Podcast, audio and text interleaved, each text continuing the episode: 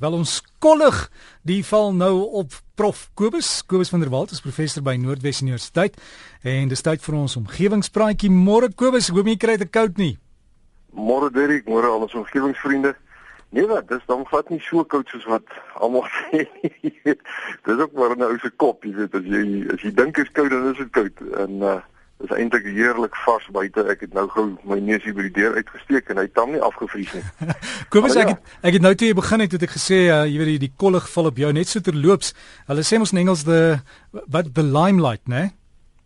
Hulle praat van die die die die, die kalklig ja. Ja, die kalklig en en hulle het mos in die ou dae het hulle nie krag gehad nie, hulle mos kalk gebrand met die voor die lens en dan kon hulle vir jou die kol gooi daar op die verhoog.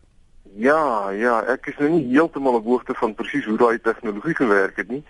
Maar uh was dit nie as dit te leen dalk gewees nie. Ek weet daar was destyds uh, voor die elektriese ligte uh het die as dit leen liggies al bestaan.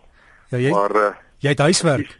Jy het huiswerk. Ja, nee, ek sal bietjie gaan kyk dink ek. Wil net sê as hulle kyk of ek op die Facebook bladsy ietsie kan sit, uh, ons omgewingsvriende kan gerus daar gaan kyk. Ek het 'n op 'n baie oulike ding afgekom wat Joey Bakkel van Klerksdorp vir my gestuur het. Dis 'n uh, 'n ding wat lyk soos 'n groot skopfiets, maar hy het so 'n mini uh vervoerbandjie amper. Ehm um, en dan stap mens op die fiets en dit wek nou 'n elektriese stroompie op en daar gaan jy. Dit lyk heel koddig, maar dis nogal 'n baie oulike ding. Dit is op die Facebook bladsy, omgewingspraatjies. Gaan kyk maar gerus daar. Maar nou ja, vanoggend wil ek graag gesels oor iets wat meneer Friknodee van Ficksburg onder my aandag gebring het. Hy vertel toe hy 'n kind was, jare gelede, Toe was hy besig om met die Vrystaatse sandsteen klippe te werk. En toe hy een van die klippe uitmekaar kap, toe kom daar 'n spierwit klein paddatjie uit die klip wat net 'n kort rukkie bly lewe het. En daar was nog 'n persoon by hom wat dit ook gesien het, maar hy sê nou as hy deur die jare vir mense daarvan vertel het, dan het hulle gedink hy is bietjie van loetjie getik. nou hy is egter oortuig van dit wat hy gesien het en hy het vir my gevra wat ek daarvan dink of dit kan wees. Nou ja, baie dankie meneer Nudee. En ek moet sê dat my eerste indruk ook bietjie skepties is. Uh 'n padda wat binne in 'n klip kan oorleef klink voorwaar vreemd. Maar ek het 'n bietjie gaan soek in die literatuur en daar is verskeie soortgelyke stories opgeteken. Een so 'n geval het 'n tyd gelede net buite Adelaide in Australië plaasgevind toe 'n safiermyner van die gesteentes gebreek het en 'n padda ook uit een van die klippe gehop het. Na 'n paar minute het die padda ook gevrek. In nog 'n geval was toe werkers in 1829 'n granietblok by die dokke van Liverpool se hawe in Engeland opgesaag het en 'n padda uit die blok te voorskyn gekom het. Ook in hierdie geval het die paddatjie binne enkele minute gevrek. Nou sulke stories klink regtig vergesog, want hoe op aarde kan 'n padda groei tot volwassenheid en aan die lewe bly binne in 'n soliede stuk gesteente? Dis logies dat paddas nie in die middel van 'n soliede klip kan ontwikkel nie wat beteken dat sy oorsprong buite die klip moet wees. En verder is daar nog net 'n rolprente iets soos teleportasie wat beteken dat die padda nie van iewers af na die middel van die klip verplaas kon gewees het nie. So die enigste verklaring wat oorbly is dat die padda in die klip moes beland het toe die klip gevorm het en dat daar binne in die klip dan toestande moes geheers het wat hom in die lewe kon hou. Met ander woorde 'n voldoende voorraad water, genoeg suurstof en voedingsstowwe. Maar die probleem waarvan ons dan te staan kom is die feit dat gesteentes baie ouer is as wat 'n padda ooit kan word. En dit bring ons by slegs een moontlike gevolgtrekking, naamlik dat volgens die huidige wetenskaplike kennis dit onmoontlik is vir 'n lewendige padda om in die middel van 'n soliede gesteente gevind te word. Nou hoe verklaar mens dan die waarnemings van mense wat sê dat hulle dit wel gesien het? Nou reeds 150 jaar gelede het ene William Buckney, 'n naturalis van Oxford, hierdie stories van paddas binne in klippe eksperimenteel beproef toe hy 12 stukke sandsteen en 12 stukke kalksteen gevat het en gate in elke klip gemaak het en toe 'n lewendige padda binne in elke klip gesit het en die gate toe dig verseël het met leiklip en klei. Nou vandag sal 'n navorser homself natuurlik te petter loop teen 'n etiese komitee as hy so 'n vrede eksperiment sou wou uitvoer, maar in elk geval presies 1 jaar later het Buckley toe die klippe oopgemaak en iets merkwaardig gesien. Al die paddas in die ondeurdringbare sandsteen was dood. Maar in die kalksteen wat meer poreus is, het die meeste paddas nog gelewe. Dis na 'n jaar en twee van hulle het selfs gewig aangesit gedurende die jaar. Nou Bakkie het toe gesoek vir die verklaring hiervoor en afgekom op piepklein insekkies wat binne in die kalksteen gaatjie saam met die paddas geleef het en die paddas kon genoeg voedsel kry om aan die lewe te bly deur hierdie insekte te vreet. Nou met die wetenskaplike kennis van vandag weet ons dat dit eintlik nie baie buitengewoon is wat Buckley nou waargeneem het nie, want paddas het die vermoë om koue winters te kan oorleef deur 'n proses wat hibernering of dan oorwintering genoem word en hulle kan ook warm droë tydperke oorleef deur 'n proses wat estivering of oorsomering genoem word. Nou gedurende hierdie toestande verlaag 'n padda se metabolisme tot so 'n mate dat hy vir alle praktiese doeleindes dormant raak. Baie paddas oorwinter onder die water en kry die bietjie suurstof wat hy nodig het om aan die lewe te bly direk uit die water deur sy vel.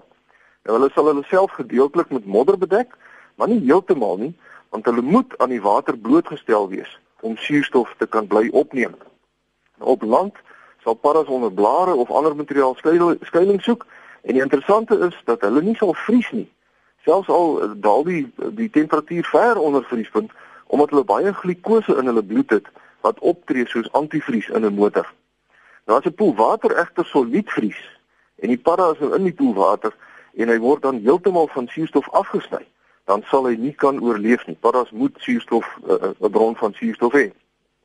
En paddas kan ook net vir so wat 6 maande lank hiberneer voordat hy nou nie meer genoeg interne voedselreserve sal hê nie en hy dan sal doodgaan. In gedurende warm droë tye kan sekere spesies paddas estiveer of oorsomer deur 'n groot volume water in sy blaas op te gaar en homself dan in die grond in te wurm waar dit nou koeler en vogtiger is. In sommige spesies vervel selfs en die ou vel word dan 'n waterdigte kokon waar net die neusvleuels van die padda uitsteek sodat hy kan asemhaal. En paddas kan tot 10 maande lank estiveer voordat hulle voedselreserwes opraak en hulle kan dan tot die helfte van hulle liggaamsmassa verloor.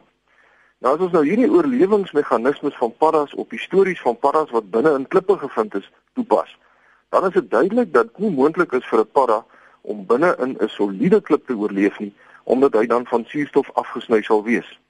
Maar dit beteken nou nie dat die mense wat dit waargeneem het, dit nou uit hulle duime gesuig het nie. Want in 1899 het mense in Sussex in Engeland 'n stuk chert gevind met 'n klein kraakie in wat gelei het na 'n holte binne in die rots. En binne in die holte, toe hulle nou die klip stukkend slaan, was daar die oorblysels van 'n volwasse padda. En die verklaring is dat 'n padda eiertjie deur die krakie gespoel het en die padda toe binne in die holte ontwikkel het en aan die lewe gebly het van voedingsstowwe wat deur dieselfde krakie in die holte ingespoel het. Nou ek vermoed dat die padda wat meneer Nudee van Ficksburg in die sandsteen gesien het, waarskynlik op dieselfde wyse ontwikkel het. En die rede waarom sulke paddas net enkele minute lank lewe, is waarskynlik van skok om na 'n leeftyd van donker klammigheid skielik aan die son blootgestel te word. Nou die verklaring van die padda wat uit die Safierrots in Australië te voorskyn gekom het, was dat dit 'n tipe padda was wat bekend is daarvoor dat hy tot 2 jaar lank kan oorsomer deur baie water in sy lyf op te gaar. En die Aborigines van Australië gebruik hierdie paddas trouens al eeue lank as bronne van water in die semi-woestyn. As jy uh, regtig water nodig het, dan grou jy vir jou 'n padda uit die grond uit en jy suig eenvoudig die water uit die padda uit in jou liggaam in en so bly jy aan die lewe. Nou in elk geval, die gesteente waaruit die safierpadda te voorskyn gekom het, het toe by nader ondersoek gebleik 'n stuk kliphard gebakte stuk modder te wees waarin die padda vasgekeer was. Nou die meeste bronne wat ek geraadpleeg het oor paddas en rotse sê egter dat paddas in baie gevalle bloot net nie deur die mense raak gesien word nie. Die paddatjie sit maar heeltyd daar hier onder skuins onder 'n stukkie klip of 'n blaar of 'n ding en dan breek hy onder die rots oop en die padda spring terselfdertyd tussen die stukkies rots in en dan lyk dit nou vir mens asof die padda uit die rots gekom het.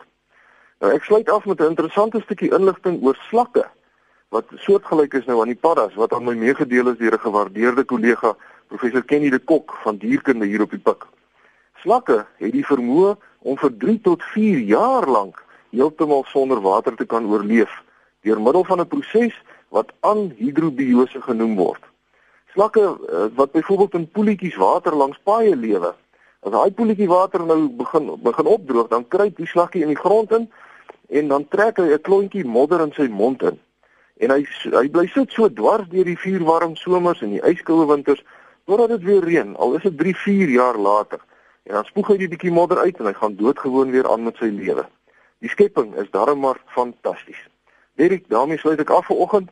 Omgewingsvriende wat my wil kontak, kan maar net op die omgewingspraatjies Facebook bladsy kyk vir al die besonderhede. En as jy vir my 'n uh, e-pos wil skryf, my e-posadres is kobus.vanderwalt@nwu.ac.za. Vriendelike groete tot 'n volgende keer. So kom ons sê ek het nou gou gaan loer daar op jou Facebook bladsy. Uh, ek sien al die inligting is daar en jy het ook nou daar foto's opgesit van van Pluto. Ja, is dit nie 'n wonderlike uh, ontdekking wat die mense gemaak het nie dat daar nou so waar waterys en metaan en stikstof op Pluto is en jong berge. Dit lyk of die die, die planeet nog geologies aktief is. Um met ander woorde, daar's aardbewings en en en allerlei dinge wat gebeur daar wat ons niks van weet nie en ook niks van geweet het nie. So ja, ons leef in baie interessante tye. So gesels ons dan met Kobus van der Walt van Noordwes Universiteit en as jy hom wil kontak is kobus.vanderwalt by nwu.ac.za maar dis dan makliker op Facebook gaan soek net vir omgewingspraatjies. Dis 'n groep omgewingspraatjies die meervoud en dan gaan jy net en hou van die groep en sien daar dan is jy deel van ons heerlike saamkuier.